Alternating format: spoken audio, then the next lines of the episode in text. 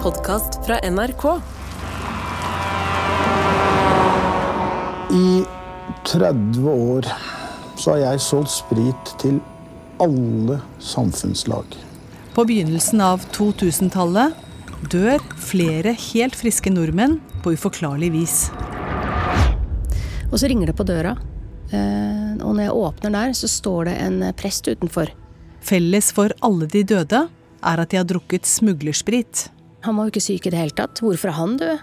Politiet kjemper en desperat kamp mot klokka. Eh, Og den ene politibilen og tollbilen etter den andre kommer til stedet. Og helt på slutten da ruller inn en sånn stridstanks. Hør Dødelig sprit, metanolsaken, i appen NRK Radio.